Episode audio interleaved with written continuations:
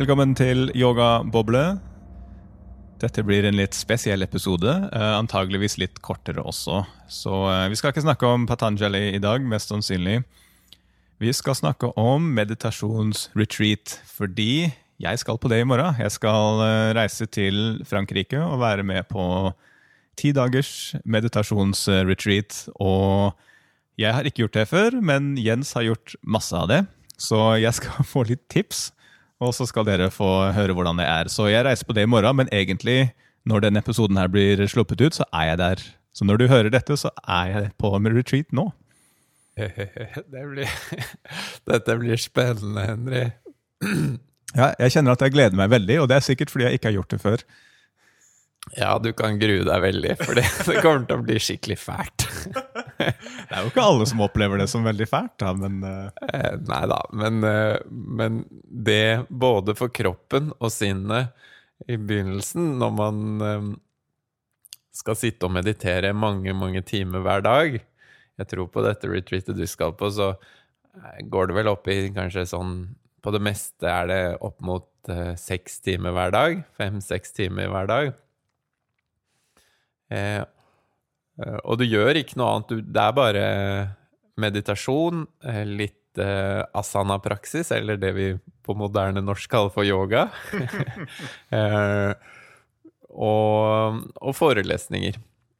Og det er det ene. Og så kan du gå litt på tur for deg sjæl og spise litt mat. Ja, og ellers så skal jeg holde kjeft, og vi skal liksom ikke ha noe Det kommer til å være masse folk der, men vi skal ikke ha noe interaksjon med hverandre. og Det skal på en måte være mest mulig likt som å bare gå inn i en hule og meditere.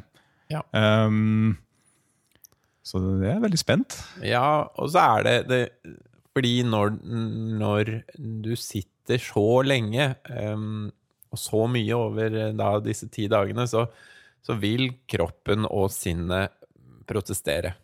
Eh, I hvert fall i begynnelsen. Kanskje også etter hvert. Men det er eh, det, det, vil Både kroppen og sinnet er sånn What the fuck er det du utsetter meg for nå? Liksom. Hva, det, dette er ikke greit! Og så kommer du til å få tanker om sånn Nei, hvor, jeg skjønner ikke hvorfor jeg har meldt meg på dette. Hva, hva, er det jeg, hva, er det jeg, holder på med? Eller? Jeg sitter bare her og lukker øynene og gjør ingenting Det kommer til å komme masse tanker som, uh, som synes at, uh, at dette var en dårlig idé. Eller vi får se, da. Jeg gleder meg til rapporten. Ja, for jeg veit ikke om jeg er liksom en sånn typisk uh, Typisk person som drar på meditasjonsretreat for første gang. Fordi altså, jeg, har, jeg, tror ikke jeg noen gang har meditert i lenger enn en time. Men jeg har jo meditert i over 20 år. Um, så jeg er jo veldig vant til, vant til å sitte og bare sitte der med tankene mine. Uh, så ja, det blir, det blir, veldig spennende å se hvordan det blir å, å kjøre litt sånn maratonstil. ja. Nei da, men det kommer til å gå bra. Og det som Det er vanlig å tenke sånn Å, er jeg i ferd med å bli gal? Sånne tanker kan komme. og Eh, for når man bare sitter der og er oppi sine egne tanker, og det er det nesten eneste du gjør, er å sitte og bare være i dine egne tanker og betrakte dine egne tanker. Og det, i, i, hverdagen så gjør vi jo ikke det. Vi er jo som oftest ganske distrahert av alt vi gjør, og alle omstendighetene og altså, telefoner og devices og TV og alt mulig. Jeg, jeg merker jo det. Altså, jeg, jeg, vi underviser jo meditasjon hver dag her. og bare det å sitte i fem minutter er jo ganske utfordrende for mange. fordi selv fem minutter uten noe liksom, ytre stimuli er ganske heftig da, når man ikke er vant til det. Mm. Og så vil jeg si at man, man begynner også etter hvert å grave litt ned i underbevisstheten sin. Eh, og med det så mener jeg at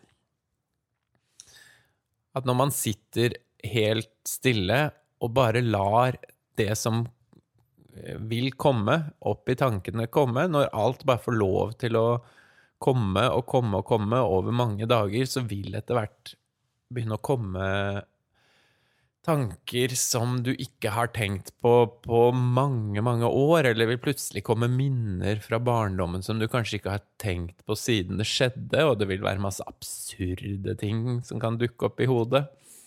Eh, og, og, dette tror jeg er en prosess med å på en måte bare la eh, underbevisstheten få fritt spillerom, da. For til vanlig så får ikke underbevisstheten fritt spillerom, for vi bruker tankene våre veldig aktivt til å løse problemer og til å gjøre ting.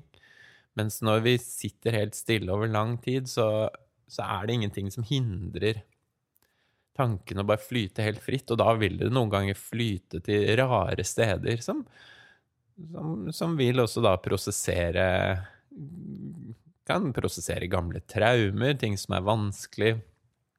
Kan prosessere eh, også ting som ikke er vanskelig, bare gøyale ting. Eh, så jeg har hørt om folk som kan få rare smaker. Plutselig får de en smak av mango i munnen. Det kan, det kan skje masse rare fenomener. Eh, og man får rare bilder og plutselig ser farger og, og sånne ting. Eh, og så er oppgaven bare å la det komme, og la det være, og la det gå. Og så har det en sånn magisk effekt at etterpå så føler man seg ofte veldig nærme livet på en eller annen måte. Veldig sånn til stede og ofte, i hvert fall på meg, føler meg veldig sånn kjærlighetsfull. Og veldig sånn blir liksom ekstra glad i, i alle rundt meg og kommer lett i kontakt. Og, ja, og jeg har også en venn som bare det første han gjorde da han kom hjem, var å fri til kona si. Ja.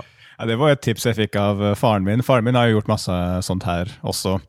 Uh, og han ga meg tips at liksom, når du er ferdig, ikke gå rundt med et dumt smil på trynet ditt, fordi du skal jo tilbake til en by og på flyplass. og Ikke, ikke gå rundt og være et offer for noen som skal rane deg. liksom, fordi noen, gang, noen ganger kan folk på en måte bare komme ut fra sånne ting med liksom en ja, og bare gå og tenke at alt i verden er kjærlighet, og så blir de banka opp og rana fordi de ikke passer seg. da. Men det, faren min er litt sånn, da. Eh, nei, jeg syns du skal gå rundt med et dumt smil, Henry. Jeg synes Ingenting som er bedre enn folk som går rundt med dumme smil. Jeg syns mer av det. Så jeg gleder Hvis man er liksom i utlandet og skal liksom reise, og sånt, så må man liksom passe seg litt. Da, være litt sånn, uh, Følge litt med. Men, ja, men, men du kan følge med med et dumt smil. ja, det, det, kan jeg kanskje. Vi får se. ja, nei, jeg, jeg Eller kanskje jeg bare blir helt desillusjonert. Bare 'Nå er jeg ferdig med det yogatullet. Nå skal jeg gå'. ja, det skjer også at folk eh, At folk virkelig endrer retning da, i løpet av et sånt retreat. At, at når du virkelig får tid til å prosessere ja, prosessere livet, så, så, vil du kanskje oppdage at oi, nå har jeg holdt på å kjøre veldig i denne retningen veldig lenge, og kanskje jeg skal, kanskje jeg skal gjøre noe helt annet, eller kanskje jeg skal Ja. Man kan få veldig mye ideer, da. Og jeg har også hatt noen sånne perioder hvor jeg har blitt fryktelig kreativ, hvor jeg bare har skrevet masse musikk i hodet og fått geniale ideer om tekster jeg skal skrive, eller eh, eller hva jeg skal gjøre med livet mitt. At å, jeg må kjøpe meg en motorsykkel, og så skal jeg kjøre rundt i Midtøsten. Eller jeg har hatt masse rare ideer som eh, Og så er det ikke alle som blir noe av. Så det er også litt sånn en øvingssak når du får alle disse geniale ideene, som du syns i hvert fall der og da er geniale, og det å ikke bli liksom revet med, da, og, og på en måte fordi målet med meditasjon er jo ikke ikke på en måte følge tankene, men å komme tilbake til meditasjonsankeret sitt. Og så når man blir revet med av en genial idé, og det å si sånn Nei, jeg kan tenke på det senere. Ja. ja, det er jo en ting som de oppfordrer til um, å ha en dagbok som man kan skrive i etter at man mediterer. Og med en gang jeg leste det, så tenkte jeg bare å nei, det gidder jeg ikke. Men så jeg vet ikke, hva syns du? Burde jeg ha en meditasjonsdagbok? I utgangspunktet så kjenner jeg litt motstand mot å gjøre det, men uh, det er sikkert ikke så dumt også. Um, ja, det er jo bare å ha den med.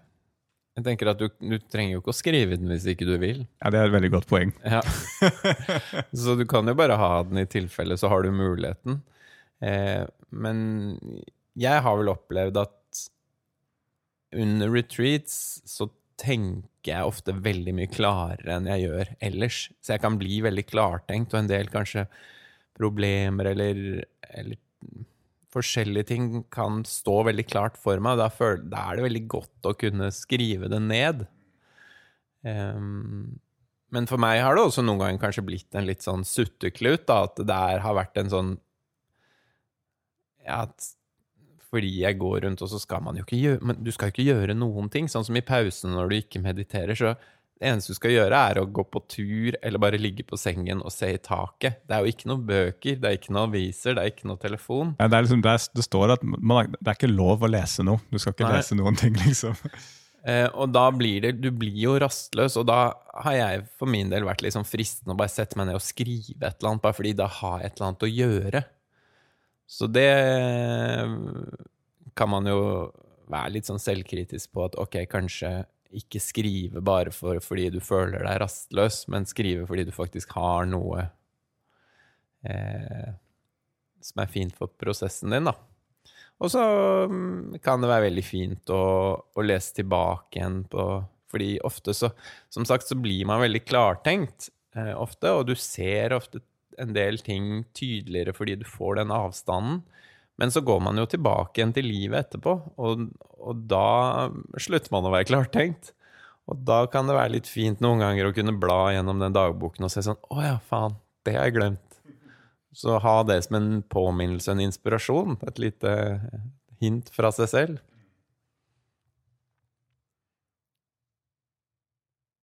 Men eh, sånn som i Vipassana, som et annet vanlig retreat, som er et sånn Vipassana en, det er både en sånn buddhistisk, eh, buddhistisk meditasjonsbegrep, men det er også en organisasjon eh, som kommer fra Burma. Hvor de, de har åpnet Vipassana-senter over hele verden, og det finnes også et i Sverige. Og det er gratis, det er by donation. Og de har også sånne ti dagers retreats, og de er enda strengere, så da er det ikke noe det er ikke noe tøy og bøy, ikke noe asanas eller yogapraksis på den måten. Det er bare meditasjon, så det er ti timer meditasjon hver dag i ti dager. Ja, de er veldig strenge på at du må bruke akkurat den meditasjonsteknikken som de, eh, som de underviser i. Og der er det heller ikke lov til å skrive. Men der får man lov til å snakke med du, du, kan stille spørsmål til lærerne. Det er en lærer som du kan stille spørsmål til, så der får du faktisk snakket litt, hvis du, hvis du vil. Mens i dette retreatet du skal på nå, så er det ingen snakking, Det er det bare man, skriving. Ja, man kan skrive spørsmål ja, du kan eh, skrive spørsmål på lapper yeah. og sende det til han Putte det i en liten bolle, og så kommer han guruen på kvelden og svarer på spørsmålene. Ja, I tilfelle noen lurer, så er det Hrideia som er organisasjonen jeg skal ta retreat hos. Og det er også der Jens har tatt uh, sin utdanning og masse retreats. da. Ja, de har både en avdeling i Mexico og en i Frankrike. Veldig fint sted. Veldig jeg, jeg, vil anbefale det, men jeg har jo kanskje blitt litt hjernevaska. ja. Så ja. Um, ja, jeg vet ikke. Er det noe mer vi skal si om dette med retreats? Du, det virker som at du holdt på å spørre meg om jeg hadde en intensjon, og så ja. ville vi spare det til podkasten. Ja, har du en intensjon? For det er ofte anbefalt at man setter seg en intensjon eh, før man går inn i et retreat. Eller egentlig er det fint å sette en intensjon nesten for alt man skal gjøre i livet, har jeg funnet ut. For da går du ikke på autopilot. Men eh...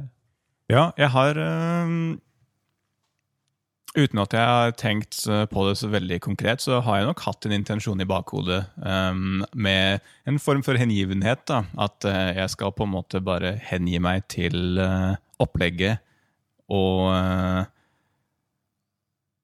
med, en, med tillit. da. Altså at jeg skal ikke prøve å tenke så veldig sånn å nei, det er ikke det vi burde gjøre, vi burde gjort det sånn og sånn, og jeg føler at jeg ville fått mer ut av hvis vi gjorde det sånn og sånn. Jeg kan fort begynne å tenke sånn, da, begynne å liksom kritisere. og så Målet mitt nå er å bare hengi meg helt og bare stole på at alt vi gjør, er liksom den beste versjonen av det vi kan gjøre.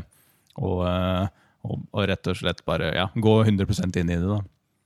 Ja, det er, det er, veldig vanlig å bli irritert på opplegget. Det har jeg blitt ganske mye på veldig mange retreats. Og jeg har etter hvert skjønt at den irritasjonen veldig ofte egentlig bare handler om at jeg går gjennom en prosess som er vanskelig, og så er det veldig fristende å eksternalisere irritasjonen. Så jeg tenker at ah, så irriterende han læreren er, eller så irriterende det er at de ikke serverer maten eh, sånn som jeg vil at de skal gjøre det. Eller at maten ikke var god i dag, eller at Så du finner et eller annet å irritere deg over, og så bare Så gnager man på det, og så handler det egentlig bare om at du dypest sett er gjennom en slags uh, renselse av din eget sinn, som er utfordrende og vanskelig.